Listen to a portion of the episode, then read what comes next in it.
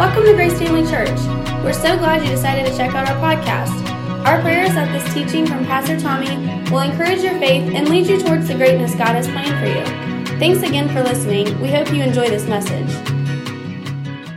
You know, over the last uh, couple weeks, we've been talking about a couple of truths that, uh, you know, I believe are fundamental to um, what we what the Bible says we should believe about God. And so, just in review, real quickly about the things we've talked about the last couple of weeks, the first thing we said is the, the, that there is a basic fundamental truth in God's Word that, that is permeated throughout the Word that describes to us who He is, uh, the core of who He is. And, and, and at the core of who He is, it's very simply put God is good. Everybody say, God is good. God is a good God. And I think it's very important for us to understand that God is pure goodness and allow that thought to permeate everything we believe about God. You know, when we have interaction with Him, when we go through situations in life, we should always view it through the lens of God is a good God. And what I mean by that is simply this it doesn't mean necessarily we should view it from the lens of when bad things happen, it must be God doing something, trying to do something good in our life, because that's not what the scripture teaches us. How many of you realize the Bible teaches us that the thief comes to steal, kill, and destroy in our lives? How many of you realize that? John 10 10. So, so when bad things happen in our life, it, you know, a lot of people think that's all a product of God's big plan, but what that is is really the devil's attempt to hurt you.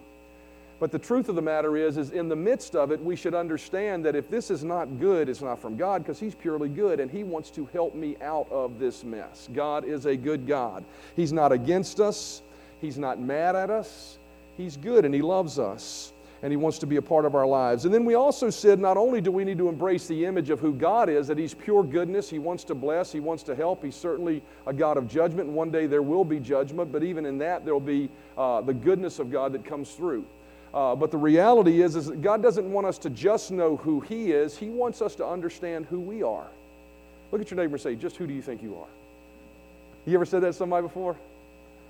God wants us to understand who we are. He wants us embracing the image of who He says we are. And yet, what happens many times in our life is we define ourselves by the way we see ourselves. Uh, I don't know about you, but um, how many ever walked into a situation where you felt like you were less than the people that were surrounding you, just on the inside? Ever been there? Maybe they're smarter than you. Uh, maybe they're more, uh, they're stronger than you. Maybe they're more educated than you. Of you ever been there?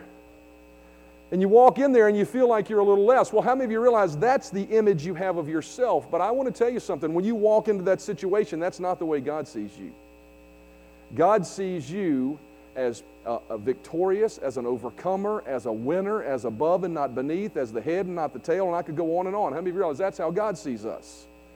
And, and, and not only that, but it also, God sees us through the eyes of He loves us and He's for us and He's not against us that He's actually in the fight, in the fray with us in everything we do. So we should embrace that mindset of who we are. God wants us embracing who He sees us as, not who we see ourselves as, not through our limitations, not through our insecurities, not through our faults and failures, but we should see ourselves through the image of who He says we are in His Word.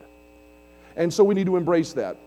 Who, uh, uh, and, and, you know, we've talked about who we are. And matter of fact, I've had a couple of people even ask me, because, I, you know, in a couple of the messages, I've just gone through a list of who we are.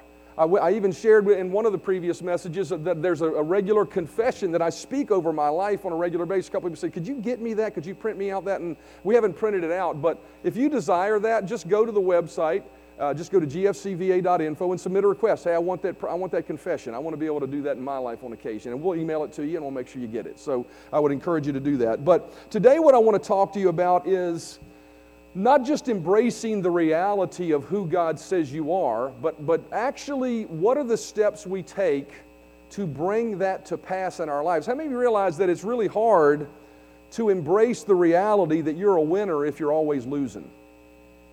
How many of you realize that? Okay, uh, maybe not.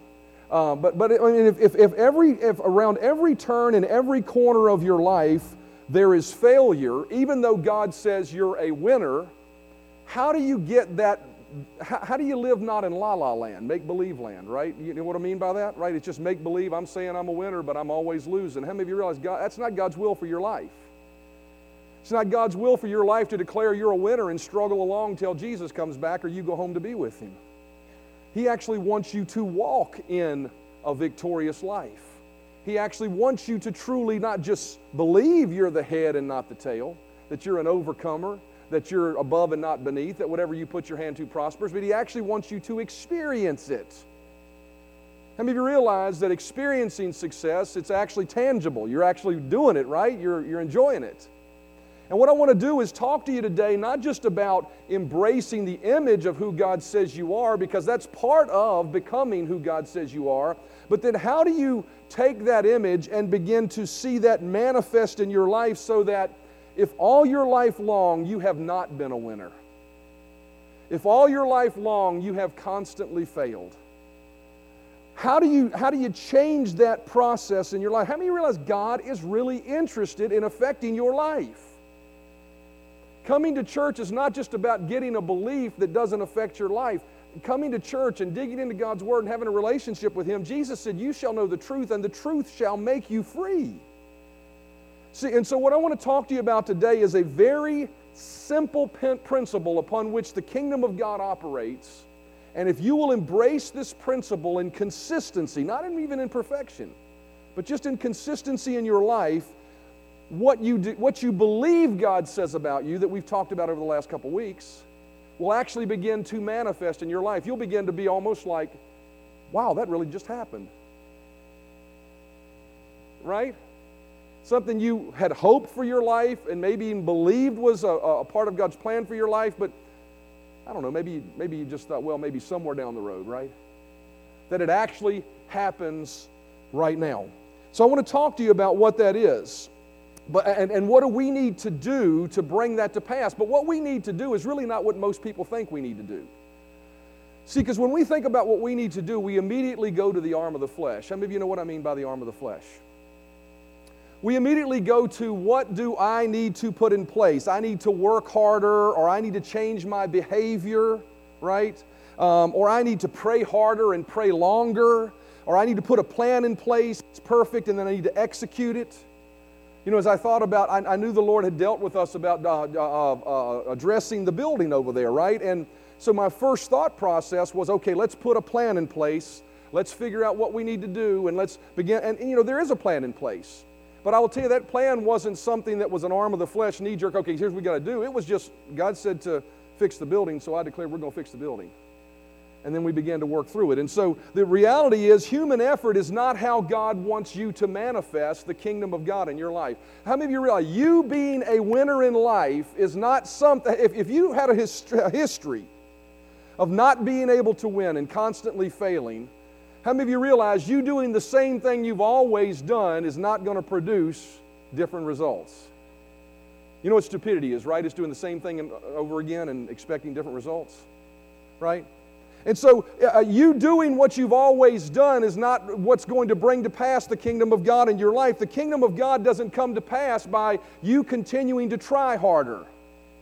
I mean, I don't know anybody that gets up in the morning and says, You know, I really hope I'm not successful today. Did anybody get up with that hope and wish? I, I really hope today I fail at what I'm trying to do. Nobody does. And yet, oftentimes we fall short. Oftentimes we have dreams that have been limited and delayed in coming into our lives. So, how do we change that cycle from seeing what God says about me to bringing it into a place where it is really, it is really happening in my life? I want to talk to you about a process that God uses that He encourages us to use. It's very simple. It's the same process he, he used when he uh, caused things to come into reality. Notice, if you will, Zechariah chapter 4 and verse 6. It says, This is the word of the Lord, not by might, nor by power, but by my spirit, says the Lord of hosts. I want you to first notice something before we even dig into this. What God says is, is when things come to pass by His hand, it's not by personal human might and it's not by personal human power, it's by His Spirit.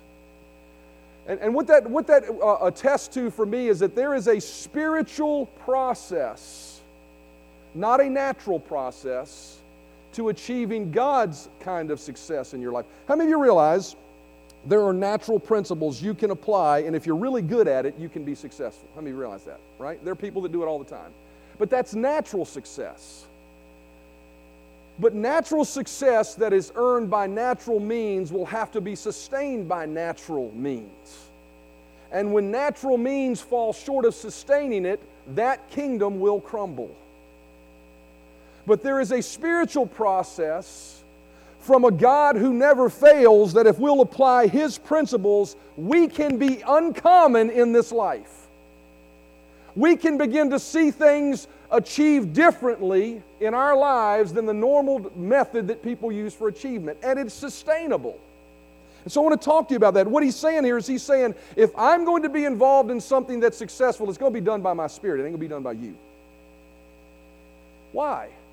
Well, because he wants to keep us under his thumb and wants it. No. because he realizes the dreams and the hopes and the things that he sees in you are far greater than your ability to bring it to pass. Far greater than any strength you have, far greater than any resource you can attain to. See, I tell you this sitting in this room, there is such greatness that you may not even realize is on the inside of you. And there is a process for bringing it out in your life.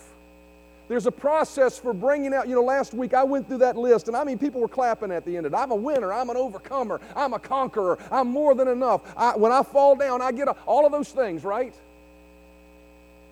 And yet we walk out the door and we may look at the shambles of our life and say, that's not a picture of what I just said. How do you change it? Do you just change it by just believing it? Because I'm going to tell you, that's not how you change it. You can believe all day long that you are this. But if God is going to intervene, there is a process involved that we must execute upon, and it's not working harder. It's not praying harder, it's not any of those things. It's very simple. Romans chapter 4 and verse 17. Let's start with it. It says, God, everybody say God. So this is how God does things God gives life to the dead and calls things into existence that do not exist. How many of you have a dream right now in your life that you're, uh, maybe you're even declaring, Lord, I have this by faith. I have it by faith, but it's not in your hand yet. How many of you have a situation like that? I can tell you, I got one. I'm declaring that building project is fully paid for. How many of you realize I don't have the $600,000 in my hand right now? But I'll tell you something, I have it in my heart. So, how do I get it out of my heart into my hand? You ready for this? Because I'm going I'm I'm to give you a supernatural process that will make that happen. Are y'all just sort of like, I don't know about this? I'm not passing out magic wands, by the way, right? I'm just going to give you the Bible. How many of you realize, well, you may not realize, I'm 55 years old. I've lived 55 years, but how many of you realize God has lived longer than I have? Matter of fact, He's always existed. So I'm going to give you my opinion this morning. I'm just going to give you what Jesus said. How many really how many believe he told the truth? Then let me tell, let's talk about it. But notice first of all, it says God, this is how God does things. He calls into existence things that do not exist. Everybody say he calls it into existence. God's process for bringing something into a place that was not there is for him to speak it into that place. We see this in Genesis chapter 1 and verse 1. It says, In the beginning, God created the heavens and the earth. And the earth was without form and void, and darkness was over the face of the deep, and the Spirit of God was hovering over the face of the waters. And God said, God said, everybody say, God said, and God said, Let there be light, and there was light. What we see here is the earth was, was without form and void, and the Spirit of God was hovering. Everybody, uh, notice he was hovering. Here's the thing you'll understand about God. As a matter of fact, it tells us in one place that the Spirit of God searches throughout the whole earth looking for someone that he can show himself strong on their behalf. God is hovering over your life right now, waiting to show himself strong waiting to bring healing, waiting to bring prosperity, waiting to bring you a place of influence, waiting to get you out of your insecurities, waiting to set you free from maybe what binds you. He is hovering over your life. But I want you to notice that the Spirit of God hovered there, but nothing happened until God did something. What did He do? It says, And God said, God said, Let there be light. The Spirit of God moved, and there was light. So we see the process that God uses to bring things from there to here is to speak them. As a matter of fact, we see Jesus illustrating this point in Mark chapter 11, and I want to go through it with you. Mark chapter 11, verse 12 says this. It says, Now the next day, when they had come, speaking of the disciples, when they had come out from Bethany, Jesus was hungry. And seeing from afar off a fig tree having leaves, he went to see if perhaps he would find something on it. And when he came to it, he found nothing but leaves, for it was not the season for figs. In response to it, in response, Jesus said to it, Let no one eat fruit from you ever again. And his disciples heard it. I want you to know now there, there are prophetic things involved in why Jesus spoke to the fig tree and told it not. And we could go into that about end times and Israel and all this stuff, and I'm not going there today because it just takes too much time. If you want to have that conversation, email me. But uh, what I want you to notice is, is Jesus did something here that was really out of the norm. Matter of fact, if someone saw it, they might have thought it was strange. As a matter of fact, it was strange enough and out of the norm enough that Peter noted it, and we're going to see that he noted it a moment later. What did Jesus do that was strange? He looked at a fig tree and talked to it. Now, I'm not advising you to go around and start talking to trees. But what we're going to find as we move through this is there is a principle that Jesus Himself is about to teach us. The very words of Jesus are about to drip forth with truth about a process that if you'll apply it to your life, you can see things get better. You can begin to see His truth that you believe and agree with actually happen in your life. What's that process? Well, I'll tell you what the process was. He spoke to a tree not what was going, what was going on with the tree, but what he wanted of the tree. Notice what he said. He said, From this day forward, nobody's ever going to bear fruit. How many of you realize it was actually uh, having leaves and in the process of beginning to bear fruit? It just wasn't time for it yet. How many realize that? But he spoke to a tree and said, I'm not going to talk about what you are, I'm going to talk about what I want to happen. And so there's a process here that Jesus pointed out. We said this last week. We said, uh, uh, over the last several weeks, we said everything in our life starts with a thought. Everything starts with a thought. But thoughts that don't have this extra step added to it will remain simply thoughts and hopes in our life. See, we said everything thoughts starts with a thought. Every painting that was painted, how many realize a thought gave it to you, right? Every career that was pursued, every dream that was went after, every love that was established, it all start with a thought. But what we're going to find out is although thoughts are the seeds of our tomorrows, those seeds get watered by our words. And those seeds germinate and grow into what God says we can be through the words that we speak. And we're going to see this play out here. Mark chapter 11, verse 20 says, says, Now in the morning, everybody say, in the morning. So that means the next day. How many of you realize that when he walked away from the tree, the tree still had leaves? Because had the tree immediately shriveled up, how many of you realize that Peter would have, eh, eh, because we're going to see this here, um, how many of you realize Peter would have said the day before, Look what happened? The tree shriveled up. But Jesus said, Nobody eat fruit from you evermore and walked away. Tree must have stayed the same because nothing changed. Peter didn't say anything, didn't notice anything. But the next day, something took place. And what that tells me is this this process that I'm talking about sometimes takes time. Because I've heard people say, well, you know, I tried that, didn't work. You know why it didn't work? Because you just said it didn't work. You didn't stick with it, you didn't stay with it. But Jesus spoke to the tree, and here's the interesting thing about Jesus He spoke to it, and that's it.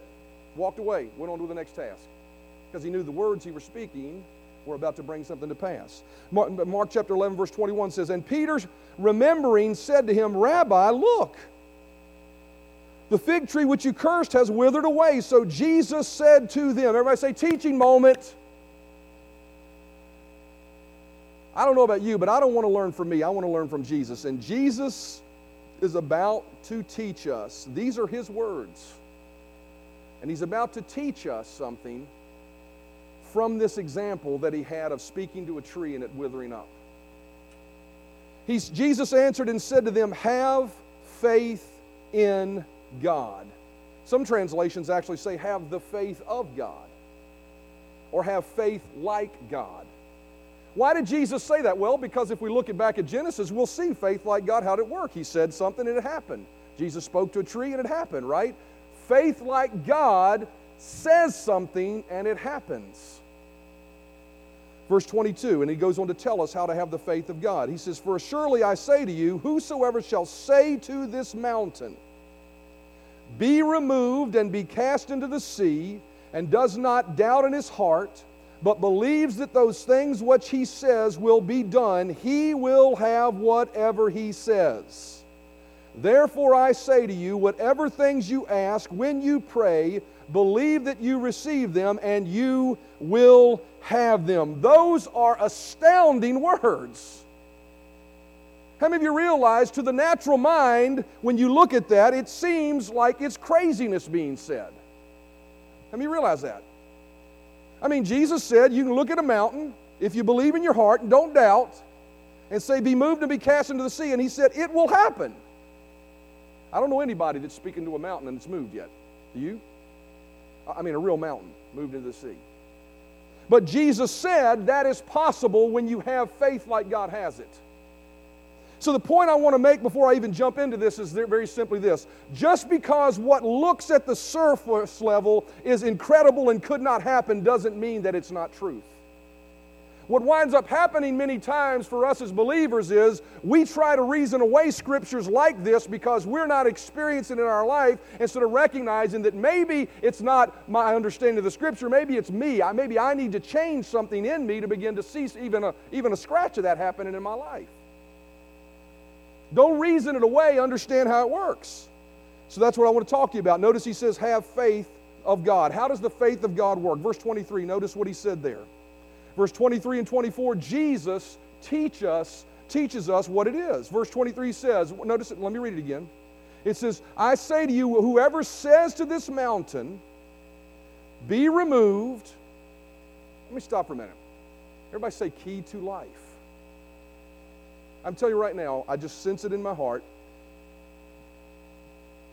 There is a key about to be taught here that can revitalize and revolutionize and change your life. But you've got to be willing to hear it. Recognize these are the words of Jesus dripping from the mouth of the Creator.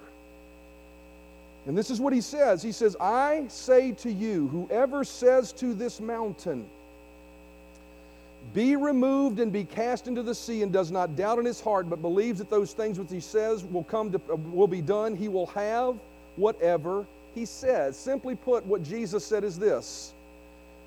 Faith works when we say things that align with god's word and we believe and we believe it and we refuse to doubt it. Everybody say believe. Everybody say refuse to doubt. And then everybody say say. First of all, I want to talk to you about the believe part. If we are going to see, I, and let's, let's, let's just bring it down to our level. Let's not talk about mountains being moved. How about just your bills, your bills getting paid on time? How about there? How many of you like to just have your bills paid on time? Maybe you already do. Let's go a little bit further.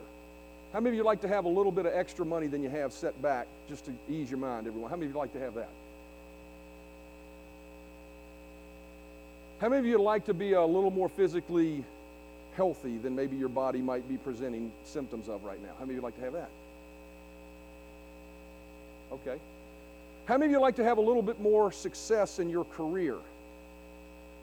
So you just don't go to work and just trudge away every day with no hope of anything ever changing, no promotion, no added money, no extra increase, nothing. No, how many of you like to maybe just see a little bit of that? All right, that's not a mountain being physically moved into the sea, but how many of you realize that's just as much the will of God for your life as anything else? That's just a, you don't believe. 3 John verse chapter 3 and verse 2 says, Beloved, I wish above all things. John, writing under the inspiration of the Holy Spirit, said in 3 John 2, right? Beloved, I wish above all things, above all things, that you would prosper and be in health, even as your soul prospers.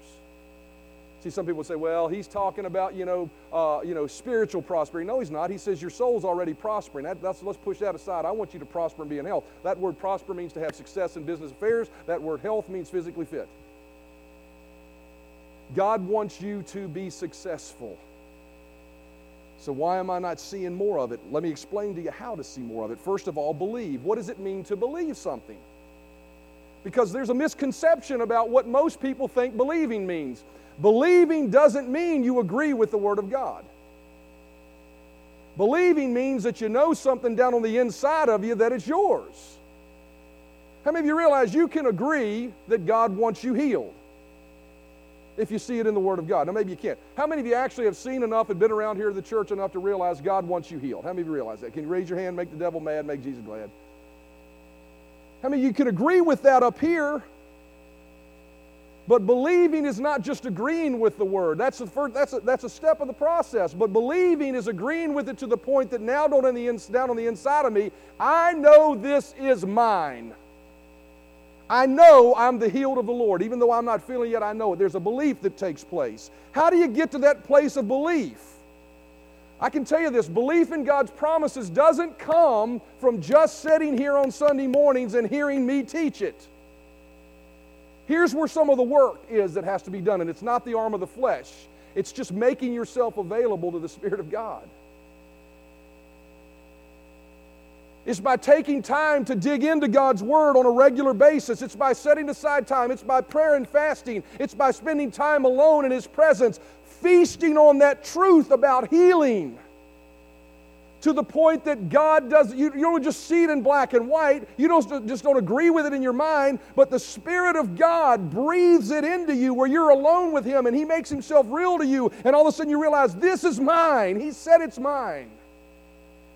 That's where belief takes place. See, there have been many, many, many, many, many people have discounted promises that God said He would do something because they didn't get it because they thought they believed it and they didn't believe it, they were just agreeing with it. They didn't put in the time. Man, we live in a culture where we're so lazy. Not in the natural sense. We're uh, because all how many of you are working harder now than you maybe have in the past, right? But spiritually we become lazy. We're not putting in the time. We're not spending time with God. Belief comes from hearing and hearing the Word of God. And it's not just hearing it on Sunday mornings. That word hearing and hearing the, uh, the Word of God, that word word is the word rhema. Romans 10 17 says, faith comes by hearing and hearing by the Word of God. That word, word, in Romans 10 17 is the word rhema it is not it's not the word logos. There are two different words used for word in the greek. Logos is the written word but rhema is the god breathed word. And it says faith comes not from the logos. Faith comes from the rhema of god. When god takes the logos and you spend time with him alone in devotional time to the point that all of a sudden the Spirit of God shows up in your room and you've been enve- enveloped by Him and He breathes it, you, you hear Him saying, This is for you. Where it becomes a part of who you are on the inside. That's where belief takes place. That's why when the disciples went out to, you know, they agreed with what Jesus said. He said, send them out by two by two. And they, they went out and preached the gospel. And it says they cast out demons, they did certain things, and they ran into one account where they couldn't cast the devil out. They tried to cast the devil out and they couldn't. They come back to Jesus and say, Jesus, how come it didn't work? And he said, It ain't that it didn't work. You weren't in a place you needed to be. He said, This kind only comes out by prayer and fasting. He wasn't saying you need to go grab that person that's demon possessed and pray and fast and fight. He wasn't saying that because that's not what Jesus did. Uh, you never see Jesus in long, you know, exorcism services. You don't ever see Jesus doing that. Jesus would go away in long times of prayer and committed fasting away from everybody to the point that God breathed into him who he was and the power that he walked in. And when he came from those places, in a word he spoke and people were delivered. See, the reason people couldn't deliver in that situation was they didn't put in the work. And I'm not talking about the arm of the flesh. They just didn't make themselves available to God enough to the point that what God said was more real to them than what they were looking at. See, we talked about last week, we need to change the image of who we see ourselves to be. Me telling you all day long, you're a believer, you're an overcomer, you're a winner. That's who God says you are. But if you really want to change who you believe yourself to be, you got to take those words before God and say, God, I worship you and thank you that this is who you say I am. I thank you for who you are. And then meditate and spend time with Him so that He actually makes it real to you and you walk out of that place knowing not I'm trying to convince myself I'm an overcomer, but I am an overcomer. I am a winner. See, belief is the first step of the process. Faith does not require, and then the, the, next thing he said, he says, if you believe in your heart and you do not doubt. Everybody say, do not doubt. I think it's interesting because you would think that if you believe, you don't doubt. So, why did he even bring up doubt? Because believing something is not the absence of doubt being present. See, some people think that believing means you get to this state of where, you know, you're just in this nirvana. Is that a word, nirvanish? You've reached nirvana and you just, you believe it and you just can't, you, there's just no doubt. How many of you realize when David went running at Goliath and that big giant of a man was coming at him with a spear, there had to be thoughts of in his head of, whoa, that pretty big guy, right? Faith or, or believing God does not require that there is no doubt present. All it requires is that you resist it when it shows up. Because I can promise you, if you're trying to change the image of who you are, if you're trying to change your status in life, if you're trying to climb out of the pit and get to success in your life, I'm telling you, your circumstances are going to scream doubt at you.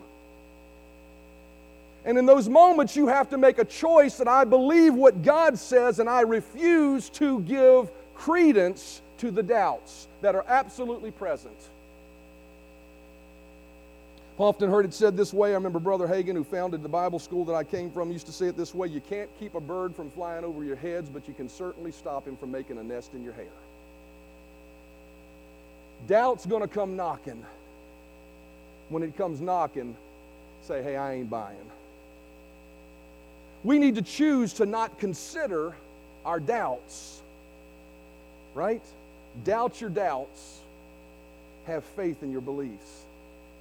Romans chapter 4 and verse 19 says, And being not weak in faith, speaking of Abraham, Abraham considered not his own body now dead when he was about a hundred years old, neither yet the deadness of Sarah's womb. Abraham went about believing that he was going to be the father of many nations. He was 100 years old. How many of you realize if somebody said, I'm going to be a daddy at 100 years old today, you'd look at him and say, Are you crazy? That's the reality of where Abraham was. But what it says Abraham did was he considered not his body. He considered not what wanted to cause doubt in his heart. He said, I'm not going to consider that. I'm just going to believe what God says about me. I don't know how He's going to do it. I don't know how He's going to take a wrinkly old man and a wrinkly old woman and make them into a brand new, unwrinkly baby. Right? But He said, I'm not going to consider. I'm refusing to doubt. When doubt comes knocking, I ain't receiving, I ain't buying. I'm going to believe. We must consider not. And what's the final piece? Here's the final piece, and this is the most critical piece. He says he will have whatever he says. The, how many of you realize Jesus didn't lie? And he said, A man will have whatever he says. In the context of what he says is something that he believes and doesn't doubt. Right? So if you believe it and you refuse to doubt when doubt shows up and you say it, here's the equation. Here's where most people miss it. There are lots of people believing. There are lots of people resisting doubt, but there aren't a lot of people saying what God says about them. They're saying their circumstances, they're saying their fears, they're saying their concerns, they're saying their worries, they're saying their reality. They look at an empty checkbook and say, How am I going to pay the bills? instead of saying, Bless God, I call you full in Jesus' name. Say, It's not full, I'm calling it full. You know, I got a new puppy. We got, I said I was never a dog person, and never was much of a dog person, but I love this dog. Little golden doodle and sweet as can be. Just stole my heart. I gave it to my wife, but I'm its favorite. So, anyway. But you know, when that dog ain't in the room, I don't say, dog ain't in the room. I don't say, dog ain't in the room if I want that dog. You know what I say? Lucy, Lucy. And you know what happens? Dog that ain't in the room, all of a sudden is in the room. Jesus and God, when He created the universe, there was no light, and God didn't say, Well, look at this, Holy Ghost, look at this, Jesus, there ain't no light. What are we going to do? He said, Light be, and light was. Amen. Now, God got instant results, but let me show you something that'll help you understand this a bit. How many realize when God said, Let there be light, there was light instantly? How many realize that? How many realize just a couple thousand years later, Jesus said to the fig tree, Fig tree, no more be cursed at the root, but it didn't happen immediately. It took it a day. See, when Adam sinned and Adam fell, resistance came upon this planet to anything God wants to do or anything God, principle God put in place. So sometimes things take time. So if you go out of here today with your hair on fire saying, Bless God, I can speak it into existence, I can declare the Word of God because I believe it, recognize you got to be consistent in that. The Bible says that God has given even His angels that hearken unto the voice of His Word. You realize that angels, along with the Holy Spirit, are waiting with bated breath for you to speak God's word over your life, to go behind the scenes and begin to bring to pass what it is you're believing for your life would actually take place. But every time you complain about it or argue about it or say, have you ever, have you ever been alone by yourself and just said, You're such a loser? Have you ever, have you ever, or something like that because you did something stupid? Quit doing that. Because that's not who God says you are speak the word. See, it's not just what you believe or even you agree with that brings God's promises into your life. There has to be a speaking part of it. Now, here, here here's where I want to get to.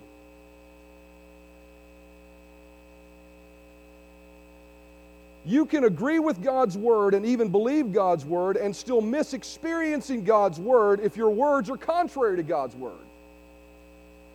Proverbs chapter 18, verse 21 says, For death and life are in the power of the tongue. Your words are so powerful, it says in the, the Passion Translation, they will kill or give life.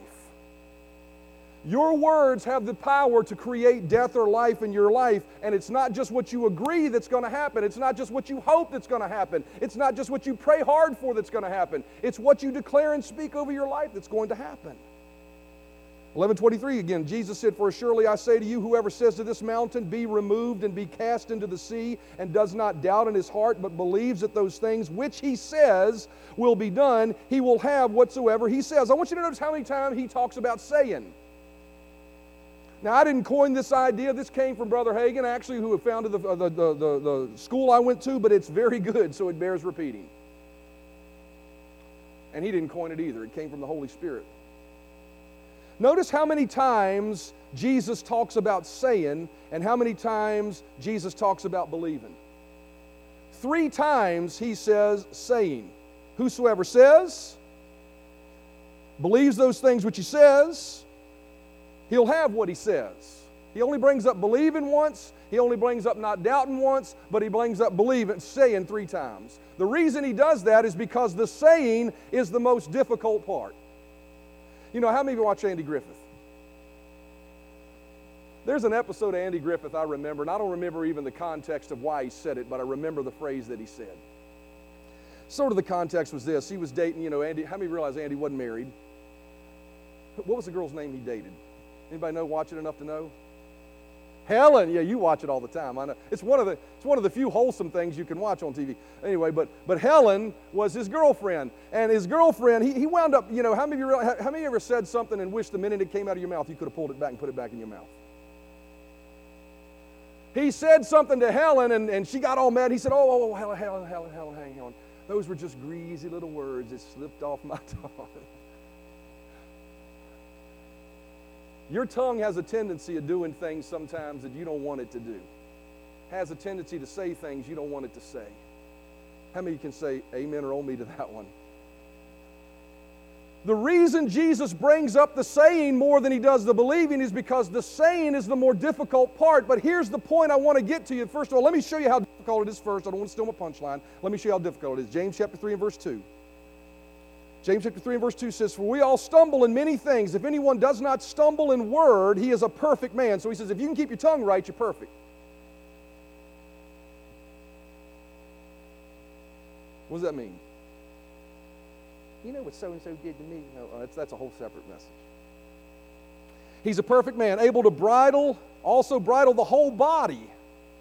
Indeed, we put bits in horses' mouths so that they may obey us, and we turn their whole body. Look also at ships. Although they also are so large and are driven by fierce winds, they are turned uh, by a very small rudder wherever the pilot desires. Even so, the tongue. Stop there for a minute. What is he saying? He's saying your tongue has the ability to guide your life just like a rudder guides a ship, just like a bridle guides a horse.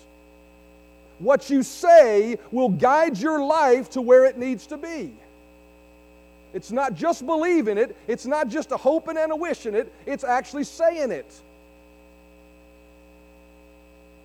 He says, Even so, the tongue is a little member and boasts great things. And then he goes on to talk about how difficult it is to tame it. Notice this see how great a forest uh, a, a little fire kindles, and the tongue is a fire, a world of iniquity. The tongue is so set among our members that it defiles the whole body and sets on fire the course of nature, and it sets on fire by hell. For every kind of beast uh, and bird of, and reptile and creature of the sea is tamed and has been tamed by mankind, but no man can tame the tongue. Well, that's sort of bad news this morning, isn't it? No man can tame the tongue. It is an unreal evil, full of deadly poison. With it we bless our God and Father, and with it we curse men who, we, who have been made in the similitude of God. Out of the same mouth proceeds blessing and cursing. Lord, I thank you that I'm blessed. I thank you I'm prosperous. I can't believe I don't have no money. That's what he's talking about. My brethren, these things ought not to be so. Notice the tongue is difficult to control. As a matter of fact, he says no man can, can, can tame it. That is absolutely true. You cannot tame your tongue. So when I talk about we need to work on our what we say, I'm not talking about you being a confession police. Shouldn't have said that. Oops, shouldn't have said that. Oops, shouldn't have said that. Oops, shouldn't have said that. Oops. Because that's work. That's the arm of the flesh. That's just another work. I got, I got to fix my saying now. I got to fix my saying now. You can't tame your tongue, is what he's saying. What he's saying is this you can't, but someone can. A life yielded to the Holy Spirit and submitted to God is a tongue that will be tamed. Always remember this that everything with God, as I'm talking about this, I'm, it looks like I'm going longer than I ever thought I was going to go this morning, but hang with me because this is important.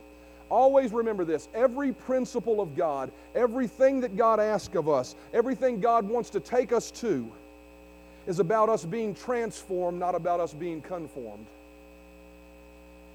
Everybody say transformation. Everybody say confirmation. There's a difference in the, do, in the two. God is not interested in you trying to conform your behavior while you walk around broken on the inside.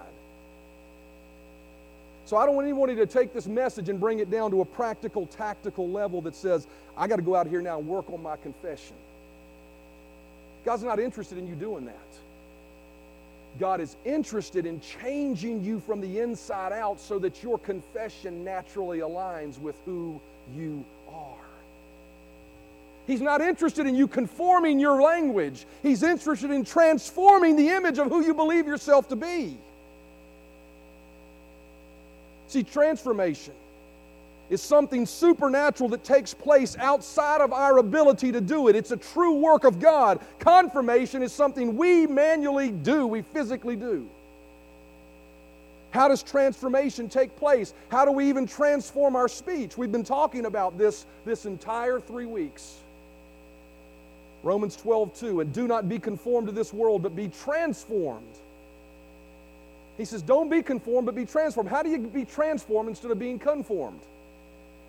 by renewing your mind that you may prove what is that good and acceptable and perfect will of God. Transformation of our speech, even, takes place when we do what? When we submit our minds to God and our hearts to God and our lives to God.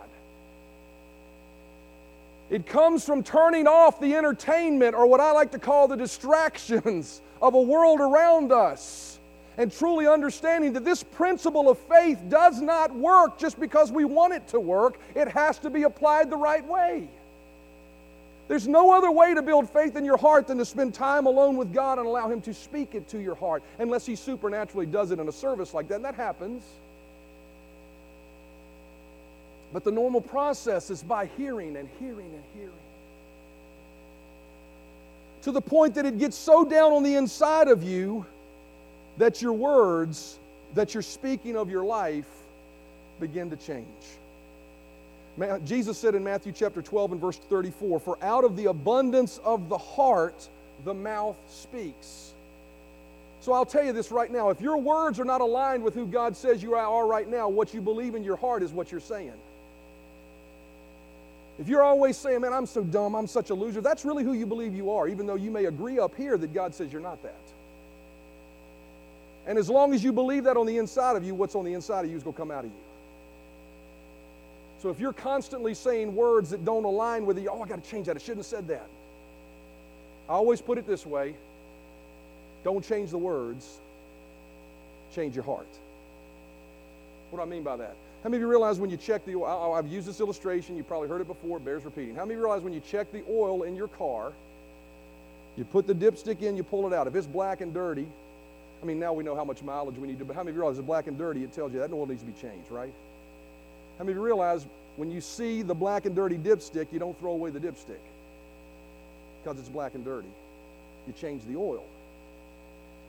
And so, if your confession is not lining up with who God says you are, it's not lining up with the things we're saying here about who God says you are, don't go trying to change your words. Change the oil on the inside of you. Spend more time with God. Take those confessions that I've been, go back and listen to those messages over and over on the podcast. Get yourself before God and say, God, this is who you say I am. I thank you for it. I spend time with you meditating on you, that, uh, saying that. And I'll tell you what will happen it won't be just you meditating on it. He will show up and He will breathe those words into you so that you walk out of that place and all of a sudden now you are a true winner. You see it.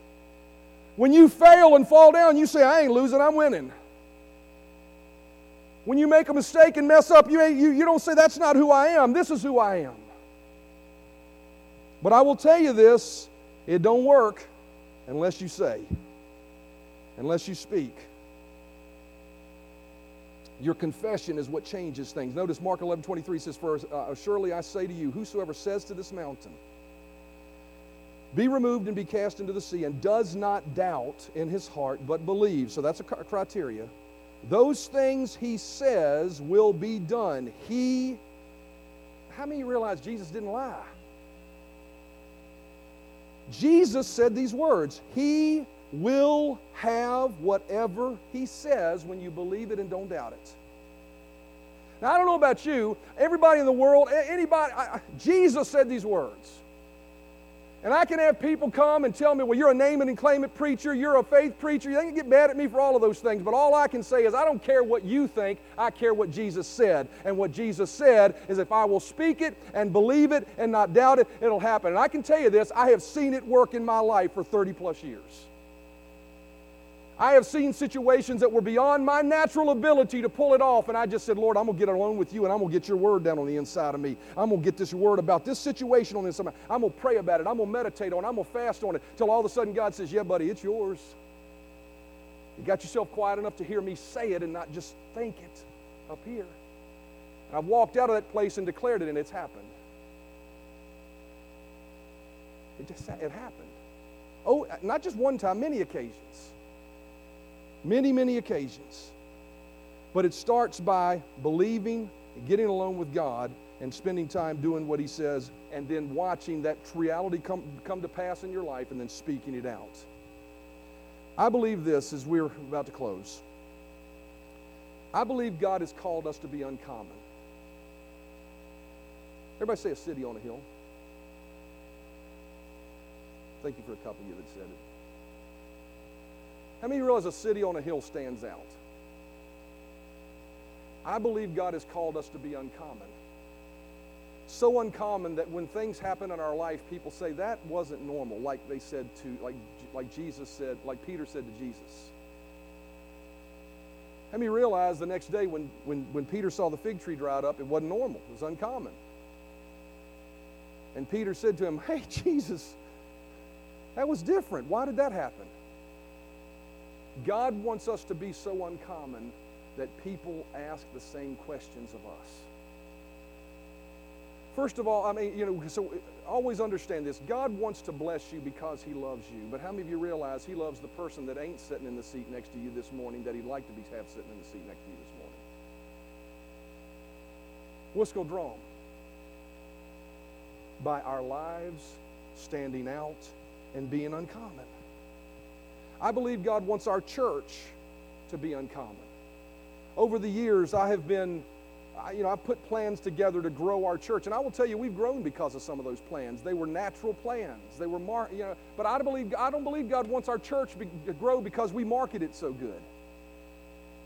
I don't believe God wants our church to grow because we got the lighting just right, and I wear skinny jeans every Sunday. I couldn't fit them anyway, so it don't matter.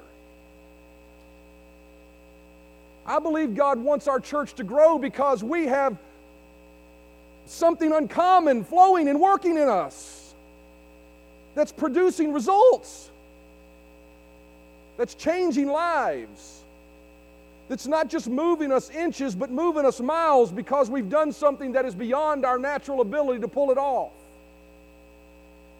I also believe that that's God's desire for your own personal life that your life would be a continual transformation by you doing things God's way, planting seeds of God's word so you believe it, so it affects your words and you declare it and receive it, so that worlds so that the world stands by asking, How did that get done? And you can declare by the power of God's Son that He taught me who I am and what I have and what can be, in spite of my mountains that stand in the way of me.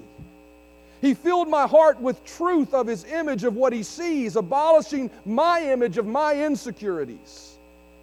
And now I live my life by a different law and different rule of believing and speaking as, as I apply His golden rule.